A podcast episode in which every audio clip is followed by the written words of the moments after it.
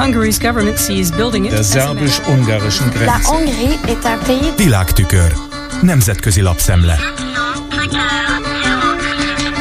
Mindig nagy a tétje a parlamenti választásoknak azokban az országokban, ahol hanyatlásnak indult a demokrácia. Állapítja meg Kati Marton a Los Angeles Times vasárnap megjelent véleménycikkében. Kati Marton férje, Richard Holbrook, volt ENSZ nagykövet nevéhez fűződik a Bosznia-Hercegovinát kettéosztó Daytoni béke megállapodás is. Így volt ez a török választásnál, írja a magyar újságírónő, írónő, és így lesz ez a lengyeleknél is ősszel, amikor a demokrácia léte forog kockám.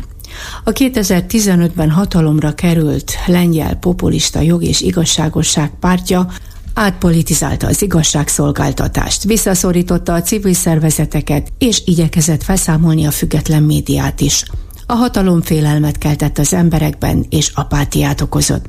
A populisták követték Erstogán török elnök és Orbán Viktor forgatókönyvét. Kati Marton kijelenti, hogy Orbán Viktor Magyarországát már rég nem tartják demokráciának, noha még mindig az Európai Unió tagja. A cikk az újságírónő nemrég Lengyelországban tett utazásának benyomásain alapul. Úgy fogalmazott írásában, hogy sokkolta a gyakran megtapasztalt és mérgező Európa ellenesség.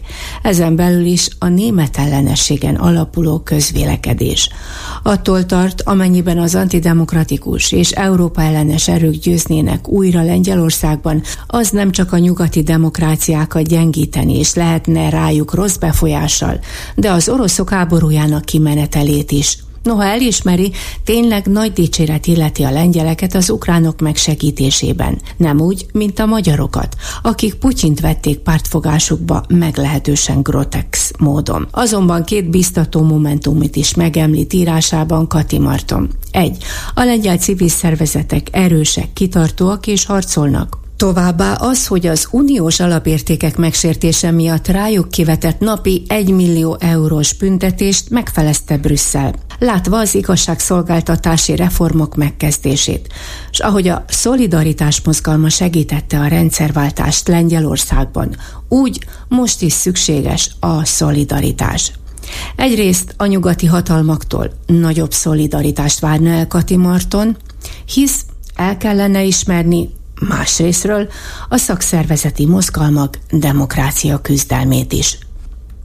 Úgy néz ki, sikerült legyőzni a magyarok ellenállását, és elfogadják Brüsszelben az Európai Békekeret, a European Peace Facility, Ukrajnának is szánt 3,5 milliárd eurós összegét, írja az ipari elemzésekkel foglalkozó Foreign Brief külföldi hírek röviden portál. A fegyverszállításokat is magába foglaló békekeret első megállapodását még 2021-ben írták alá és ebben a Balkán, a közel-kelet és Afrika megsegítése szerepelt, és az akkori 6 milliárd eurós keret már teljesen kimerült. A mostani alapvetően Ukrajna számára szükséges forrásokat fedezi. A cikk külön kitér a magyar kormányra, amelyik hatásköre túllépése miatt bírálja egyfolytában Brüsszelt. A Gordon egyre népszerűbb ukrán portál szerint az oroszok saját céljaik elérése érdekében adtak át 11 ukrán foglyot a magyar kormánynak. Egyrészt tovább akarták mérgesíteni a magyar-ukrán viszonyt fogalmazott az ukrán hírszerzés vezetője Andrei Juszov vasárnap a TV híradásában. Másrészt jelezni kívánták, hogy nem tekintik magukra nézve kötelezőnek a nemzetközi jogrendet, miközben figyelmen kívül hagyják Ukrajna jogát a szuverenitáshoz. Az ukrán hírszerzés vezetője szerint az oroszok mindezek ellenére nem érték el egyetlen céljukat sem. A Bertelsmann csoporthoz tartozó NTV szerint Magyarország továbbra is kilóg az uniós országok sorából, amikor Oroszországot kellene büntetni az Ukrajnában zajló háború miatt. Változatlanul kiváló viszonyt ápol a Kremlel, és Donald Trump visszatérésében is bizakodik. Foglalható összetömören az egyébként igencsak terjedelmes írás, illetve a tévés híradás. A kifogások sorát súlyosbítja, hogy a bajkeverő magyar kormány nemhogy kevésbé, de sokkal inkább függ az orosz energiaforrásoktól, mint korábban. Stetejébe akadályozza Ukrajna uniós és NATO tagságának az elérését is.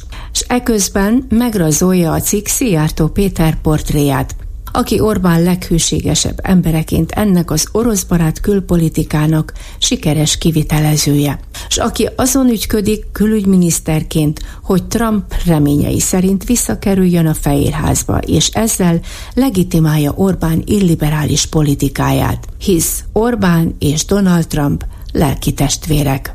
A világtükör összeállítását Csernyászki Judittól hallották. Der szerbus-ungarischen Grenze. Nemzetközi lapszemlét hallottak.